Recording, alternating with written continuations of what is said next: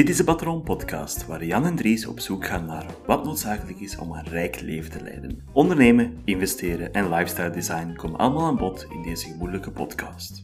Wij zijn zelf geen experts, maar gaan samen met onze gasten op zoek naar hoe wij ons tijd en geld kunnen investeren om zo meer controle te krijgen over onze financiën en ons leven. Welkom bij de Patron Podcast.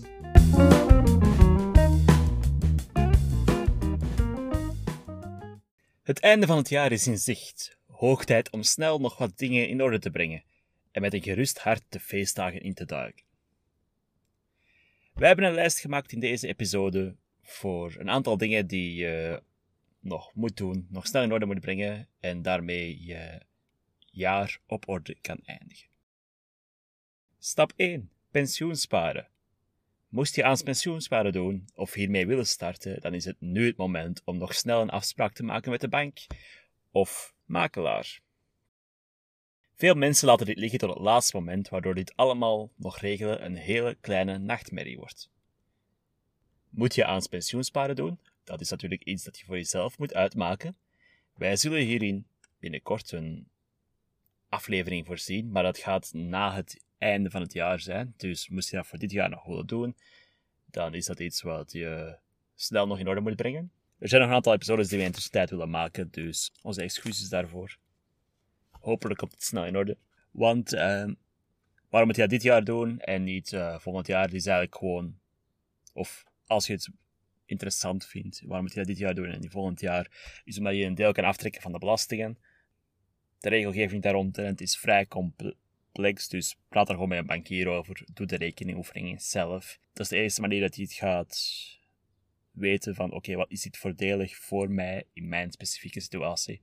Het kan bijvoorbeeld zijn dat je dit jaar niet zo heel veel verdiend hebt. Stel dat je een aantal maanden maar gewerkt hebt omdat je voordien studenten was. Stel dat je deeltijds bent gaan werken. Stel dat je lange tijd werkloos bent geweest, dan is dat misschien een andere rekenoefening. Maar kijk er eens naar, speel eens wat met de nummers. Kijk ook, ja, heb je het geld beschikbaar? Want ik kan wel zeggen, je moet het doen, maar als dat je persoonlijke spaarpot in, in gevaar brengt, als dat zorgt dat je moeilijk met toekomstige tegenslagen gaat kunnen omgaan, dan by all means, blijf er vanaf. Het is uh, een financieel product waar je niet snel uit kan, niet zonder grote penalties, waardoor je dit geld staat vast voor een lange termijn.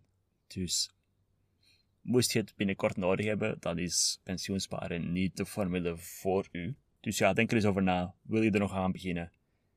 Ga je een beetje haast moeten maken. Als je het op een later moment beluistert. Breng het gewoon deze week in orde. Als je het wilt doen. Kijk eens of dat we ondertussen al een aflevering gemaakt hebben.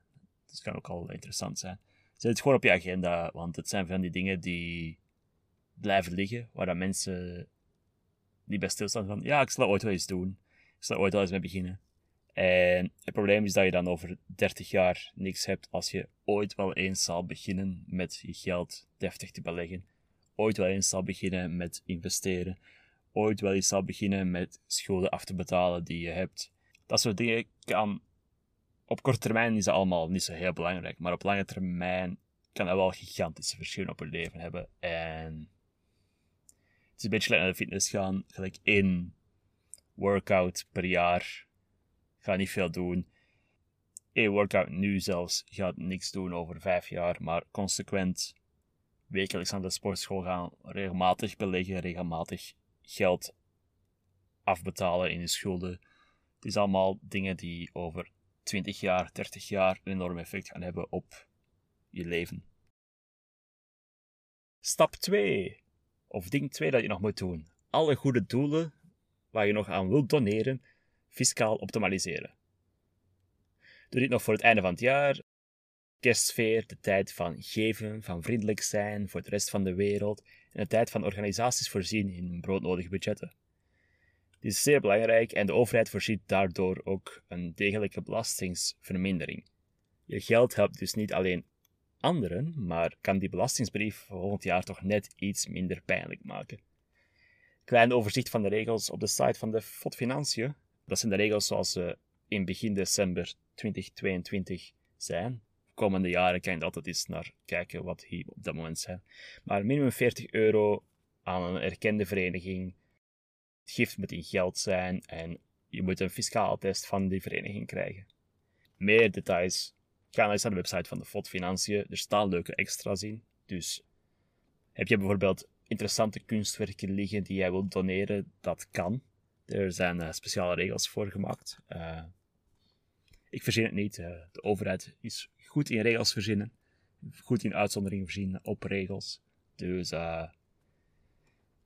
kijk eens naar de website als je er iets mee wilt doen. En doneer een kunstwerk of zo. Belasting interessant. Mogelijks. Stap 3. De eindejaarslijstjes. Top 50 nummers van dit jaar. Best verkochte boeken van 2022. Dit was het afgelopen nieuwsjaar. Sportoverzicht voor 2022. En wat als je dat nu eens allemaal voor jezelf deed? Waar ben je trots op in het afgelopen jaar?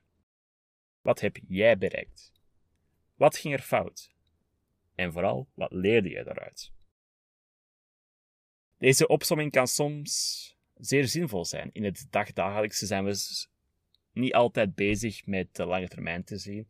En dingen die voor onze neus liggen, die we zijn altijd gefocust op, oh, we moeten dat nog in orde brengen, en we moeten daar nog aan denken, en oh, dit en dat. Maar als je uitzoomt naar de periode van een jaar, kan je soms heel veel bereikt hebben. Zowel financieel als relationeel als fysiek. Uh, er zijn heel veel dingen in het leven die dagdagelijks niet zo heel veel veranderen, maar die op termijn een enorme push in de juiste richting kunnen zijn, die een enorme meerwaarde in je leven kunnen zijn.